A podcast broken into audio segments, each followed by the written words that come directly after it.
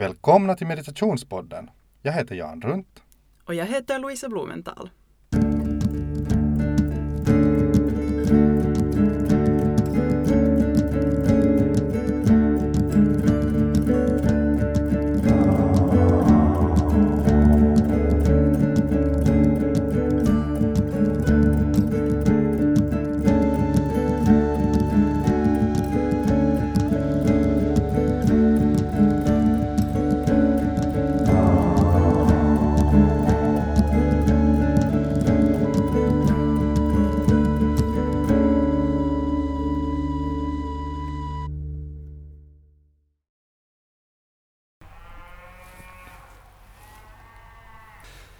Ja, välkomna till det andra avsnittet av Meditationspodden. Och jag vet inte om det här hörs men vi sitter alltså bredvid en kohage ute på en gräsmatta och de här kossorna så de har nu haft ganska mycket djur så det kan hända att de råmar så att det hörs här i mikrofonen. I så fall får ni ursäkta, det är våra grannar. Idag så tänkte vi att vi skulle börja med att helt enkelt gå in lite på tantra, det vill säga det här som vi då båda, den riktningen vi har lärt oss eh, meditationen via kan man säga. Precis. Lite vad tantra är. Ja, och, och va- varför, är, varför är tantra intressant? Vad är det i det som är, är kanske för oss båda då har varit lockande eller gjort att man har hållits kvar inom den traditionen? Precis. Kanske sådär, kanske jämföra med vad vi ändå vet om lite andra sådana här riktningar inom yoga eller Meditation. Meditation och sådär. Du ramlade in i tantra på vilket vis? Nå, det var väl kanske en sån här, dels en slump och dels en följd av en sån här utveckling av att jag hade alltid sen, egentligen sen ganska tidig barndom haft ett intresse för um, vad man ska kalla det, mytologi, um, olika religioner, mystik. Så redan när jag var i lågstadiet var jag väldigt fascinerad av det forna Egypten och uh, läste mig in på också fornnordiska uh, mytologivärlden. Och sen också blev jag jätteintresserad av buddhismen när vi började gå igenom det då på lågstadiet Mhm. och tänkte att det fanns många väldigt intressanta aspekter där som tog upp grejer om livet som jag som barn längtade efter att få veta mer om. Ja, Varför lider man? Vad är meningen med livet? Vilket inte de vuxna kanske alltid var jättepigga på att diskutera. okej, ja just det. Ja. Funderade du alltså då i lågstadiet, funderade du på att varför är livet fullt av lidande? Lite så kanske. Okej, just ja. det. Ja, ja. För det, jag menar, att vara barn kan vara jättehejsan men ibland så är det Ja, också ganska svårt när man inte förstår någonting och, just och just världen är ändå på något sätt inte på ens villkor. Um, sen i högstadiet så var det igen kanske mer filosofi, psykologi men också taoismen som sen, jag hade en väldigt kompetent um, filosofilärare i ett skede som var väldigt kunnig på olika uh, områden. Mhm. Så då, då hade jag en period när jag studerade ganska mycket vad taoismen handlar om. Okej. Och sen då i gymnasiet så, som jag berättade i förra episoden också av podden, så, så gick jag då den här meditationskursen. Och på något sätt kändes det ganska sådär direkt att det här var väldigt konkreta metoder, det här var väldigt sådär um, jordnära Ja. grejer. Det handlar inte i första hand då om teori, för det hade jag så jättemycket också från förut, Just det, fördjupa mig i, utan det var den här praktiska upplevelsen av någonting som faktiskt Mm. påverkar mig. Ja. Och sen på den vägen så blev det ganska långt, för efter det så var det mycket eh, vad ska vi säga, olika tantriska lärare som jag kom i kontakt med och som jag sen då också studerade med Mm. den tiden jag bodde i ashram. Mm. Så definitivt har jag djup respekt för och har haft mycket intresse för alla möjliga andra Ja. riktningar och, och fortfarande tycker jag att jag behöver inte nödvändigtvis begränsa mig till enbart då tantra. Mm. Um, men det är den jag, jag vet mest om, ska vi säga personligen, mina egna erfarenheter också av, av att använda de metoderna från tantran. Ja, precis. Ja. Um, Va, vad med dig? Hur, No, ja, alltså det där, det var på det viset kanske lite samma sak att, att eh, i tonåren så var jag intresserad av så här lite österländsk visdom och läste lite runt, läste lite så här zen-buddhistiskt och, och också till exempel den här tibetanska dödsboken. Just Så det. den var på något vis, den tyckte jag var väldigt fascinerande. När jag tänkte, det, det fanns ett jättebra förord. Jag kommer inte ihåg om det var skrivet till exempel, var det nu skrivet av Carl Jung eller någon som, som eh, förklarade på ett sätt som jag tyckte om att det, det, det inte skulle handla om bara att eh, så här lite spöken när du dör och så vidare utan att, att det handlar, handlar också om så här mentala processer och sånt här. Så att det blev, det tyckte jag var fascinerande men, men eh, sen så hände ju det sig då att, att jag bara gick på en yogakurs för att jag tänkte att jag skulle få ut någonting av den här fysiska yogan och, och så visade det sig att den här läraren där då var en tantrisk yogamunk. Och lärde meditation och så hakade jag på det och sen så började jag då till slut studera med honom på heltid.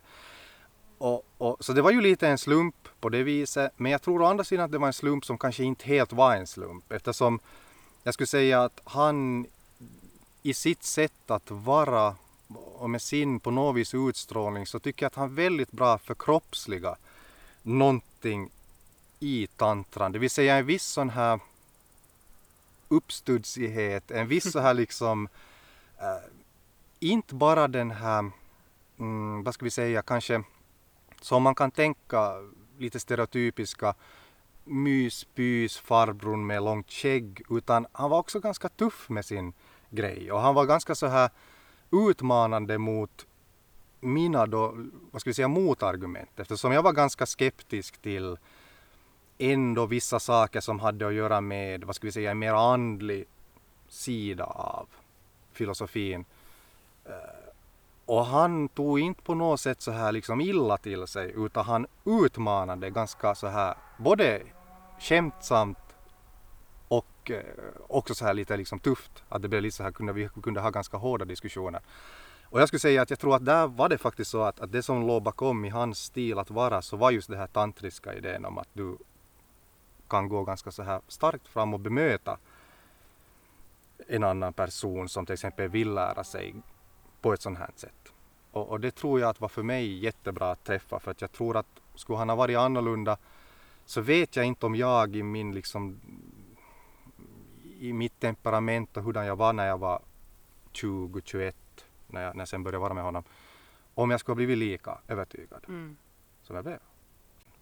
Just det, och jag tänker att det leder ju kanske oss in på just vad är tantrans väsen, för jag känner igen väldigt mycket av det du beskriver i Ja. också de lärare jag har råkat på som då har varit tantriker Ja, i någonting hur det inte handlar om någon slags skenhelighet Mm. ehm, eller just att förändra sin personlighet på något sätt, göra sig till någon annan än vad man är. Mm, eller att förändra livet för den delen till att bli någonting där allting är väldigt, vad ska vi säga, ordnat på ett sätt som ehm, kanske man tänker sig ibland att, att just man måste vara mm, en viss sorts människa för att kunna meditera eller göra yoga, att man borde vara mild och, ja precis. och liksom inte ha de här vanliga utmaningarna som en människa ändå ofta har Ja, med relationer, med funderingar kring vad man ska göra och med sitt liv och alla de här sakerna som hör till. ja. Så vad, vad anser du, vad, är, vad kännetecknar tantra?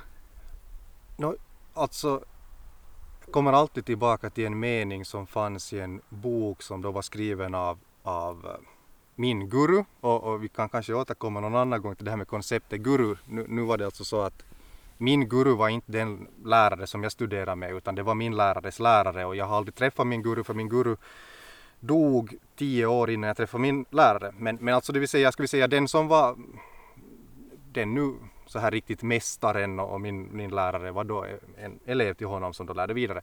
Men hur som helst, eh, min guru har skrivit i en bok, jag tror att det till och med är inledningsmeningen till en bok som då ska förklara tantran och, och där står det att uh, the essence of tantra is fight.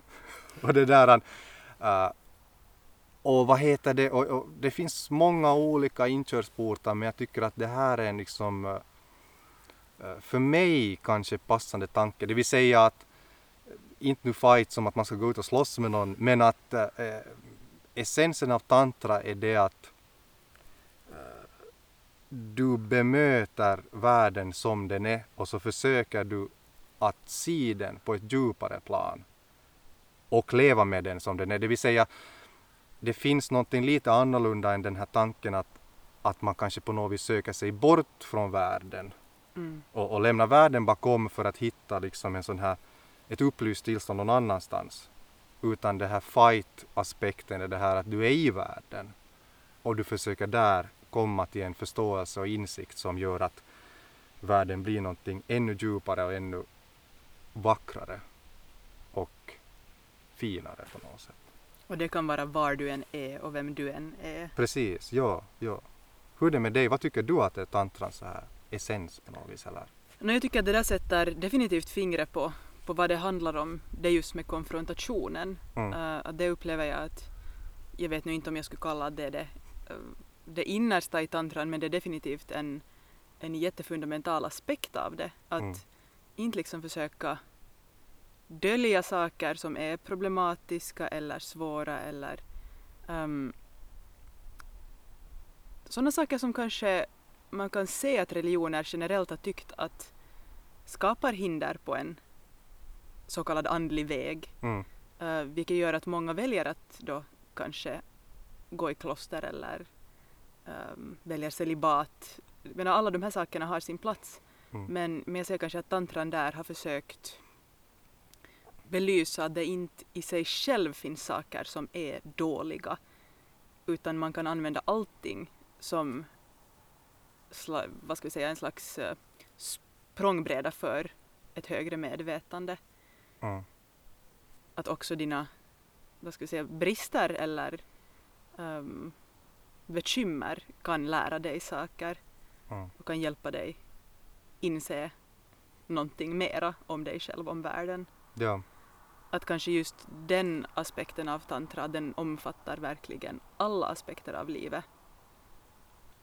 Och inte heller kanske på det sättet elitistisk att den skulle rikta sig till någon som lever på ett visst sätt just utan faktiskt är tänkt som ett folkets liksom, mm. metod, medel, vad man nu ska kalla det. Um, ja. tillgänglig för alla, så har Ja. jag upplevt det. Också för kvinnor, vilket ju inom yogan sådär i alla fall kanske fram tills för no, några tiotals, hundra år sedan någonting sånt har det varit relativt manscentrerat ändå. Mm. Speciellt nu kanske för att Indien där yogan har varit mest utbredd nu nyligen i alla fall har varit på det sättet har förbehållit yogan ganska långt för män medan tantran har, har en väldigt sån här också inklusiv Mm. um, ställning Ja. där kvinnan har en, en plats. Så jag menar det, det bidrar säkert till det. Till exempel i, i Thailand där jag då studerar med, med buddhistiska munkar så fick ju inte kvinnor bli nunnor, alltså Mm, nej, just så, enligt okej. lagen. Ah, okej, just så. Vilket ju jag kände att var jättetråkigt. För jag menar jag skulle ju ha velat kasta mig in i det men det var, då skulle jag inte Nej, okej. göra det utan jag skulle ha varit en, en person som skulle ha rört sig där på klostret men jag skulle inte fått avlägga Okej. den liksom eden.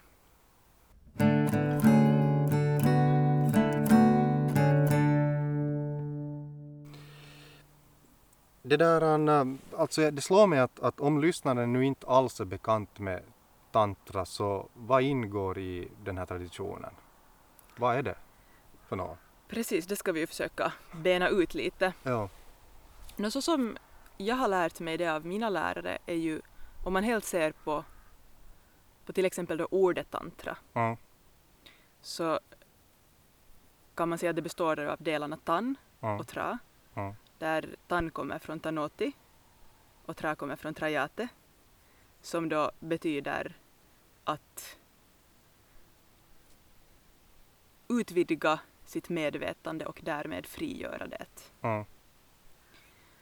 Um, och historiskt sett så har väl tantran också där som jag nu har lärt mig det varit nästan som en slags underströmning som alltid har vad ska jag säga, funnits, en, en blandning av olika traditioner och metoder som har funnits bland då folket som levde i då nuvarande Indien, Mm. olika ställen. Mm. Um, och som sen i en viss tid kanske kom speciellt mycket fram som en, en motpol till det här ganska då ortodoxa strama Mm. um, sättet att göra yoga på, att tänka kring livet. Mm. Men det, det tror jag att du kanske vet lite mer om den här historiska delen, för det har du ju fördjupat dig i också. Ja, nå alltså, och det där, an, åtminstone de, det finns ju en del texter som då, som då alla har det här namnet tantra Precis. i, i sin titel, eller de flesta har väl det i titeln för att visa att det här är en tantra. Och det där, och, och det har att göra väl att, att det här ordet har flera olika betydelser. Eh, Tantra har jag förstått kan också helt tolkas som, den här tolkningen som, som du gav är densamma som jag har hört för just, just liksom tantra ur ett filosofiskt perspektiv men vad jag förstått så kan tantra också betyda någonting som eh, påminner i betydelsen om en ritual, en, en liksom på något vis en lära. Eh, och de här texterna har då varit ganska sådär klara med att ge vissa sådana riktlinjer för hur du kan utföra Mm. eh, hur du kan ha en, en, vad ska vi säga, en rutin eller en, en sorts ritual för att då uppnå olika resultat på ett, ska vi säga så här, andligt eller hur man vill kalla det, mentalt Plan. plan. Eh, och de här texterna, så de härstammar så där kring under det första millennium efter vår liksom, tideräkningsbörjan. Det vill säga så där ungefär 1500 plus minus tillbaka i tiden. Um, och, um, och har då både ansetts vara och, och sen av vissa då som kanske är liksom mer så ortodoxa hinduer inte ansetts vara en vidare utveckling av den hinduiska traditionen. Just det. Eh, Det vill säga de som har varit ortodoxa och inte tyckt att det hör till det så har tyckt att vissa drag hos, hos, den här, hos tantran då har varit för på något vis kontroversiella och opassande Mm. och de har då tyckt att det här ska inte riktigt kunna sägas vara en del av liksom vår så här på något vis Eh, vår tradition, hinduismen. Eh, medan då andra anser att det finns så otroligt mycket som är, är besläktat med vedisk hinduism, liksom den här klassiska gamla hindu- hinduismen, bara att det är en liksom mycket mera praktisk på något vis applicering eller praktisk på något vis tradition att den absolut nog måste räknas in i. Jag skulle säga att det är kanske liksom sådana som är verkligen historiker och har en ganska så här objektiv syn på det hela så, så tror jag anser att det nog verkligen måste ses som en del av den hin- hinduistiska traditionen. Um, och personligen så måste jag säga att, att uh, det är kanske lite som att man, man kan fråga sig att, att ska man då uppleva att yoga är en del av hinduismen? Mm. Och jag menar det är kanske onödigt att egentligen göra den här på något vis, eh, jag vet inte, kopplingen. Distinktionen Ja, eller? att är det eller är det inte för att det är sådär att nå, man har gjort det i Indien, den indiska på något vis andliga kulturen har fått det här liksom, begrepp. Det har liksom blivit kallat för hinduism så att jag vet inte, är det sen så viktigt men, men det där men ja, så det är Också- liksom, Inom tantran finns det ju väldigt många olika vägar man kan ta. ja, Så det på det sättet är det ju, är det ju nästan sak samma att, att sitta och diskutera de här begreppen när, när som du sa, det är Mm. en så jättepraktisk ja, eh, praktisk väg att Mm. gå. Ja. Det kunde man kanske säga att, att det som då är specifikt för tran- tantran är, det att, att man tänker sig att det vad man själv upplever, det är det allra viktigaste. Om, jag vet inte om du håller med om det här att, att ähm, även om det kan finnas mycket intressant filosofi att läsa och, och, olika tekniker att, att lära sig så det viktigaste är det här att man själv eh, faktiskt liksom får den här egna upplevelsen. Definitivt. Och, och, och det är väl kanske, om man egentligen ska tänka på tantrans essens, så är det väl kanske ena också essensen. Att, Och det är väl kanske varför tantran också är, vad ska vi säga, just en mystisk riktning om man talar om, om Mm. mystik. Att det finns ju andra religioner som också har mystiska grenar. Det verkar som att det nu, det är naturligt att det finns alltid inom trossamfund, religioner, riktningar finns det de som kanske mera fokuserar på det här som är då det skrivna eller det sagda eller Mm. hur, hur liksom det ska vara och sen finns det de som faktiskt behöver få själv veta och känna Mm. för att kunna ta det liksom till sig. Ja.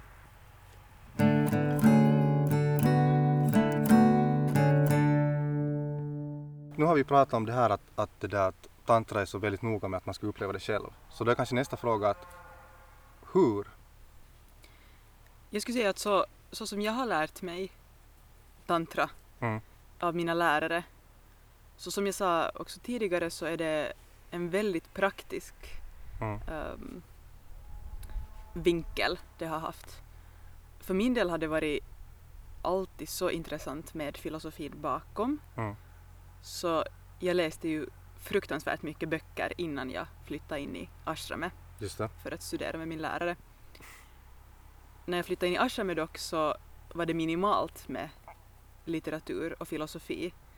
För det som då poängterades var just det här att, att vi ska känna själv, vi ska lära oss själv eh, uppleva de här sakerna som det står om istället för att leva på andras beskrivningar av det. Just det. Så jag skulle säga att det, det man upplever är svårt att tala om. Det är väl en sak att bara Mm. för det första acceptera. Och det är väl därför den här podden också är, är väldigt speciell att göra för att det är så, det är så lätt att det blir eh, blir mycket diskussion kring någonting som sen man faktiskt bara kan uppleva själv. Ja, precis. Ja. Men, men definitivt det som är som hjälp för att leda dit är ju metoderna. Mm. Och, och då talar vi ju alltså om, om olika sorters meditationer till exempel. Mm. Eh, uppbyggda på sätt som folk har upplevt att det här är någonting som utlöser ett visst medvetandetillstånd. Eller det här tar dig bort från vissa andra kanske inte så, vad ska vi säga, ehm, bra tillstånd om man nu kan säga så. Mm. Ångest, trötthet, tröghet, ehm, förvirring Mm. som säkert alla människor lider av att vara i Mm. om de inte har metoder just att hantera dem eller har lärt sig hur man kan göra det. Och det, det känner jag just att tantran har en väldigt bred palett med, med verktyg Mm. att lära sig vad ska jag säga, manövrera sitt sinne och lättare kunna åskådliggöra vad som är på gång inombords. Så det rituella nämnde du redan. Mm. Det finns ett ganska stort rituellt omfång inom tantran som sen såklart från lärare till lärare kanske varierar vad de är och hur, vad ska vi säga, um, invecklade eller enkla de kan vara. Men meditationen som så kan man ju också tala om att det, det i sig är en ritual. Mm.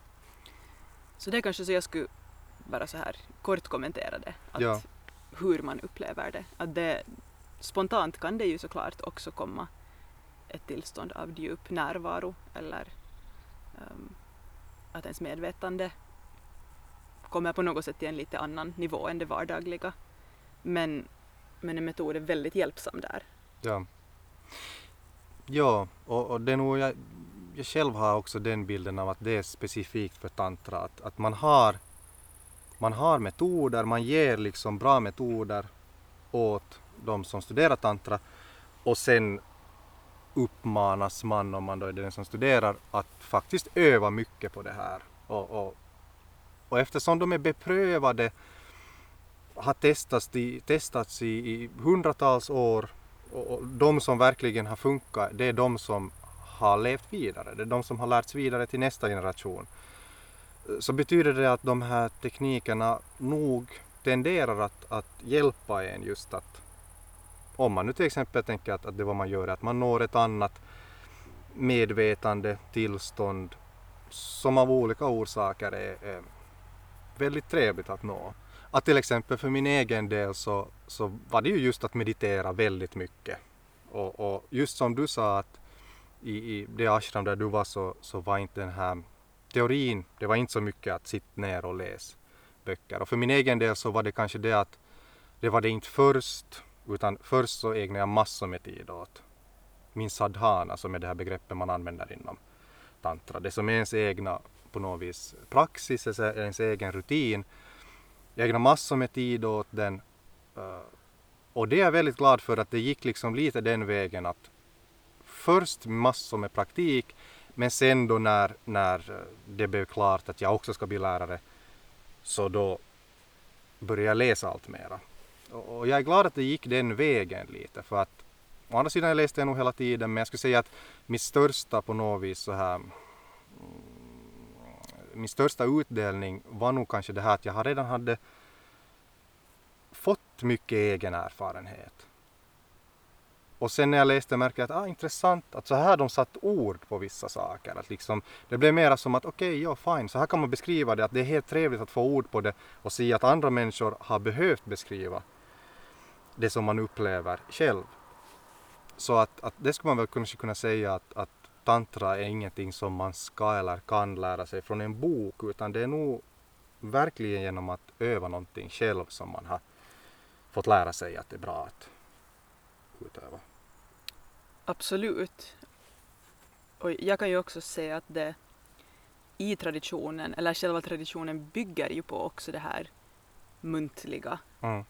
Som man nästan kan kalla för, på ett sätt, en hemlig tradition i och med att den just, det sällan skrivs ner de här allra mest, vad ska jag säga, djupa sakerna eller innersta sakerna för att de är så väldigt svåra att sätta på ord. Ja. Att det, det är därför det genom traditionen har varit nästan som ett kriterium att bo med sin lärare. Mm. Eller i alla fall leva i väldigt nära kontakt. Mm. För att om du har tillgång till någon som själv har djup erfarenhet i den här processen när du håller på att lära dig det så är det så mycket lättare att nå någon slags, man kan kalla det framgång, mm. jämfört med om du sitter själv och, och försöker. Och läraren har ju en, en så mycket större roll, eller kan ha en så mycket större roll än bara att ge dig tekniska färdigheter. I bästa fall så, som du nämnde, kan läraren vara någon att verkligen bolla med. Ja. Och någon som inom tantran kanske inte alltid ens gör det genom väldigt så konventionella pedagogiska metoder utan det kan verkligen vara att du ställs på din yttersta spets och du blir konfronterad i också de sidorna som du inte kanske ens vill se i dig själv. Mm. Och det, det, tycker jag också är en ynnest att ha, få, att ha fått ja. göra det. För det är inte i dagens värld, och speciellt kanske inte i väst, någonting som är sådär väldigt lättillgängligt eller som folk ens, ens nödvändigtvis inser att är en möjlighet att kunna vara i den sortens relation. Ja.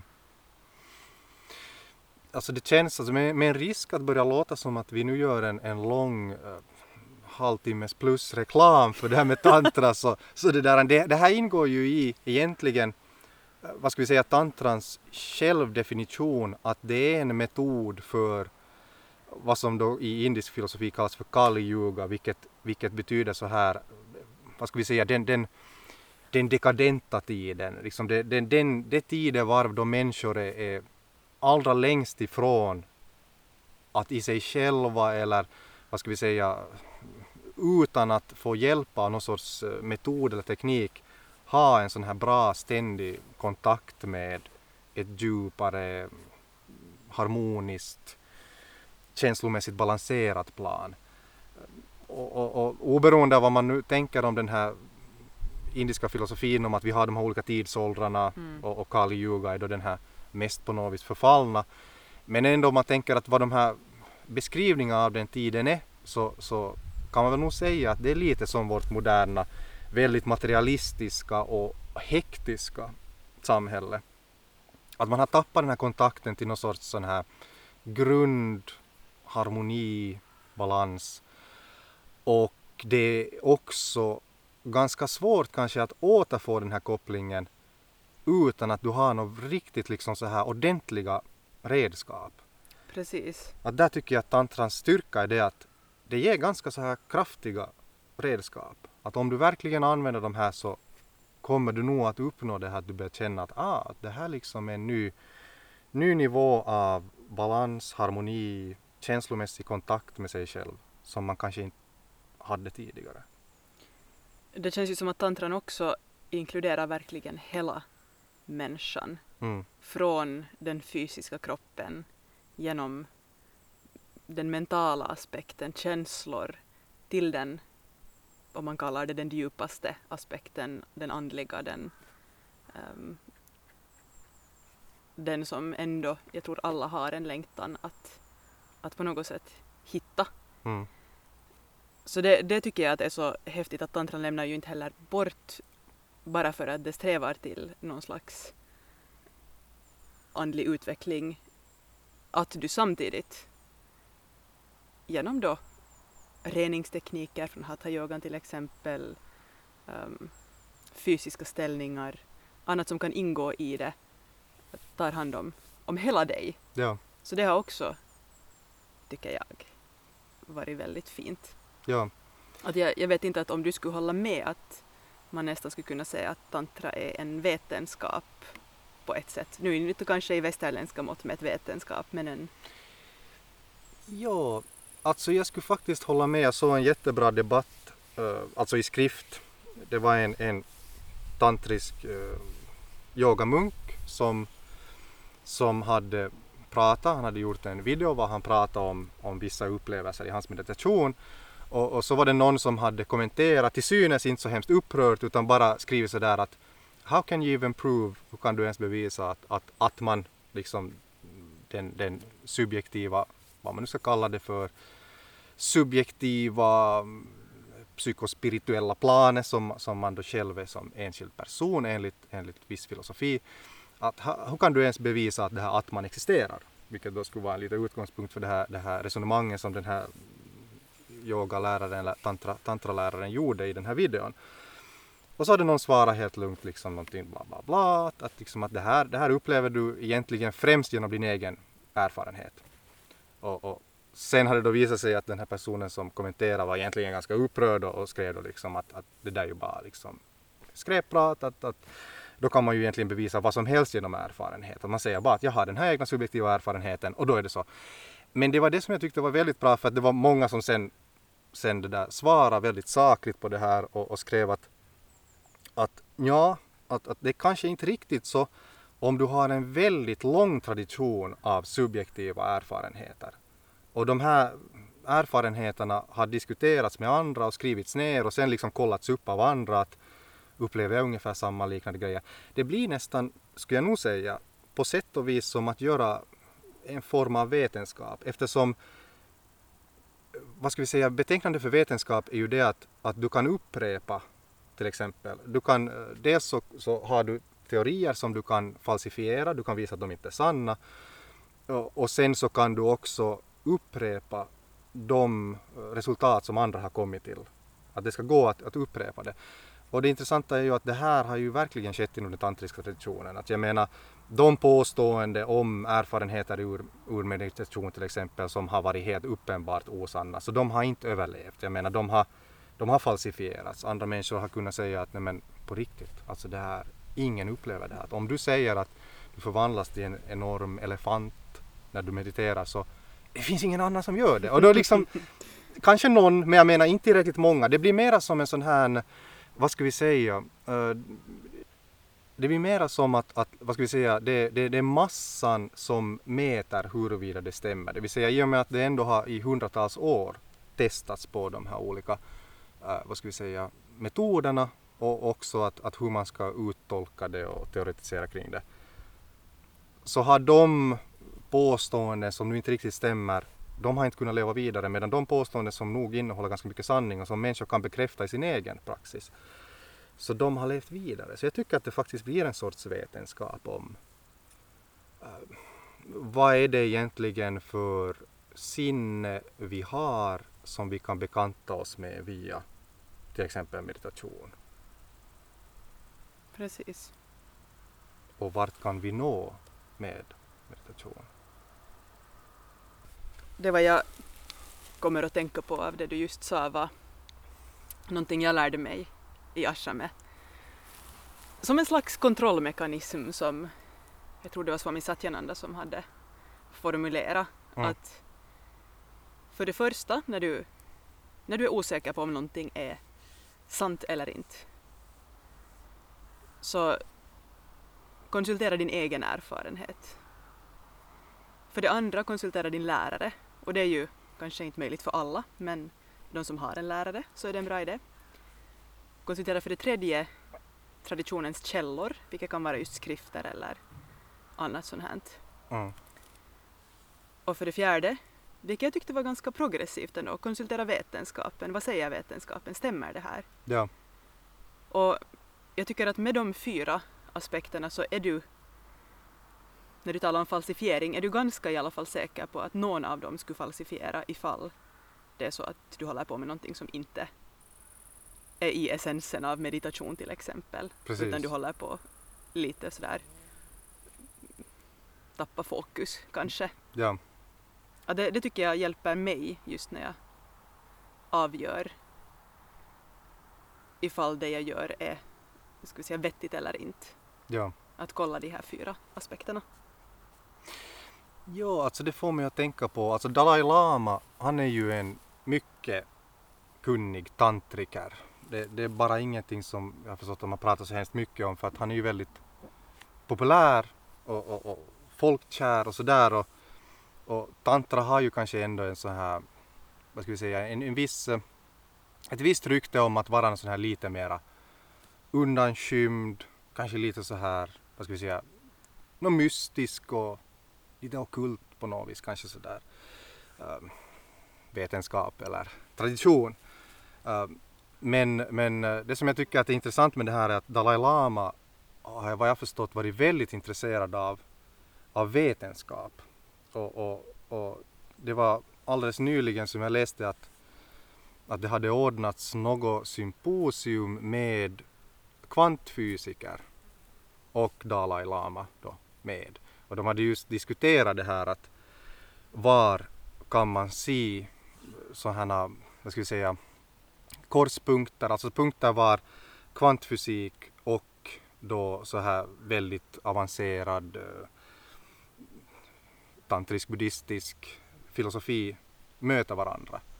Och, och hade dock, vad ska vi säga, upplevt att, att det finns mycket där som, som på något sätt liksom, vad ska vi säga, rimmar ganska bra ihop. Ehm, och det tycker jag just är intressant att, att det där, det inte handlar om dogmer som inte får ifrågasättas. Att tantra är kanske väldigt sådär öppet för det att, att det ska leva och det ska ifrågasättas om det behöver och, och sen om man då ser att nej, det här var egentligen en helt bra grej eller det var inte en bra grej så lever det också vidare på det sättet att det, det förändras. Och, och just till exempel då en diskussion var man tar upp eh, saker ur, ur liksom en meditations vad ska vi säga, tradition och jämför det med kvantfysik och hitta saker som man då kan på det sättet vara överens om och se att här liksom korsar våra vägar. Så det tycker jag är jätteintressant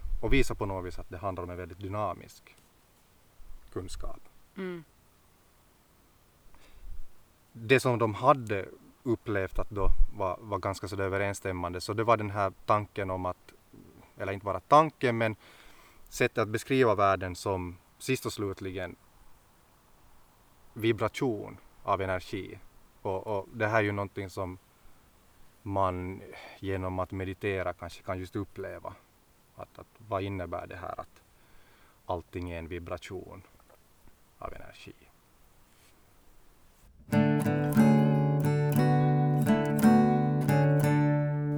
Tycker du själv att, att det där att du har då, hur länge har du nu sysslat med tantrisk yoga eller tantrisk meditation?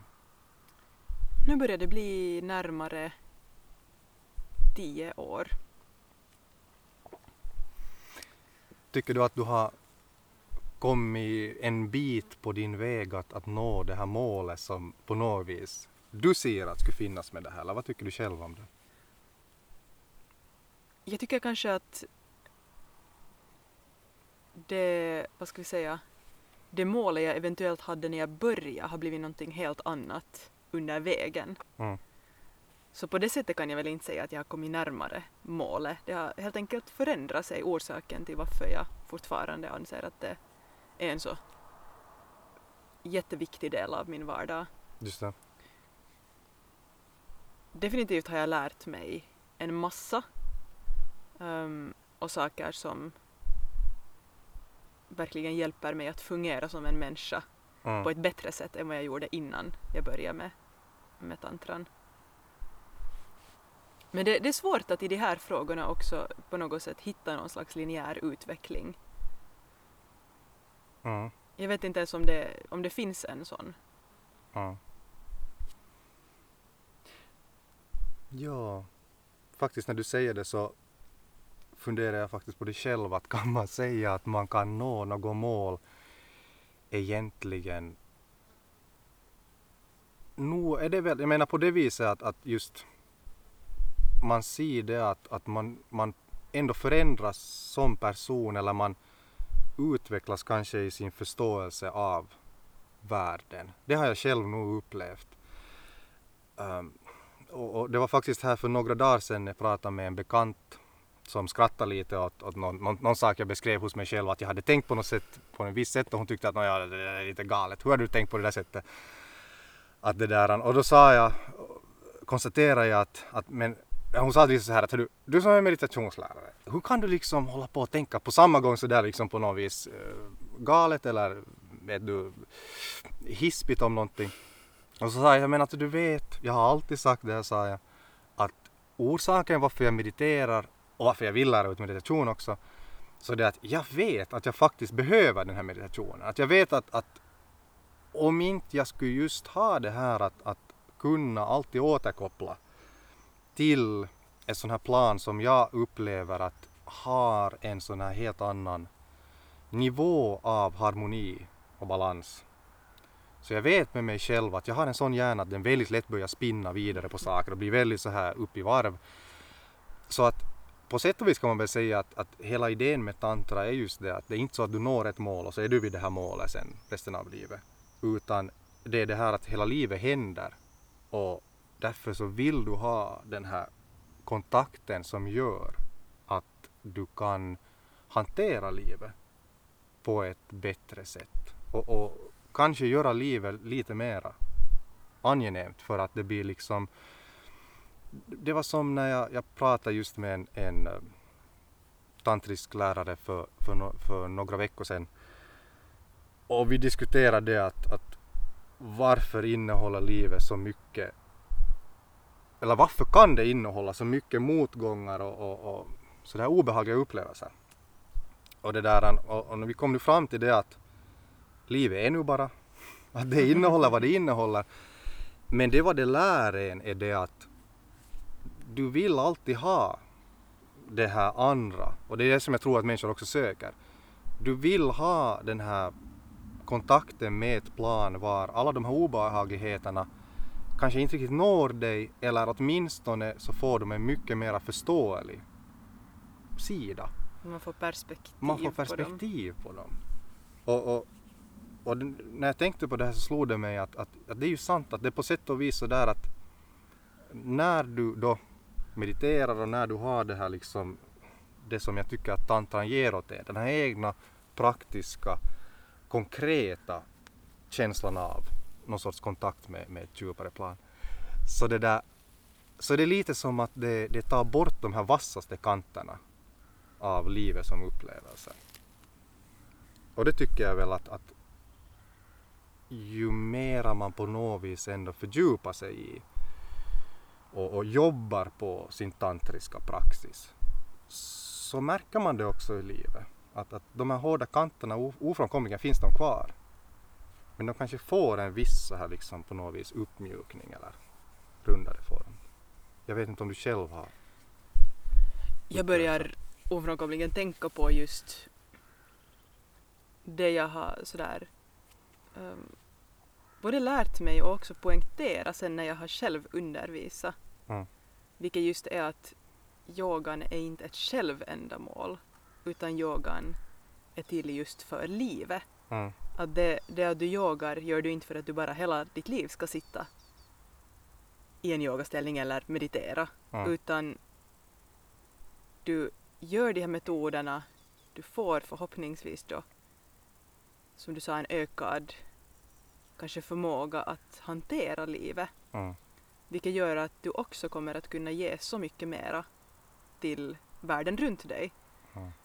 Och det är en av orsakerna varför det är så jättegivande att vara en lärare, känner jag. För att efter en avslutad lektion, när jag ser skillnaden i någons ansikte från att ha kommit in och varit fullständigt nedbruten av stress eller bekymmer och efter den här lilla stunden som kan vara allt mellan 10 och 20 minuter till exempel av en avspänning på slutet, Mm. när det är över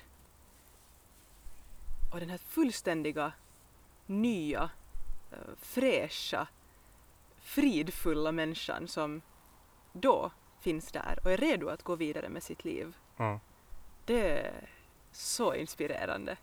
Och det är ju därför jag själv också har fortsatt göra det för att jag, jag vet ingen sak som på samma sätt Mm.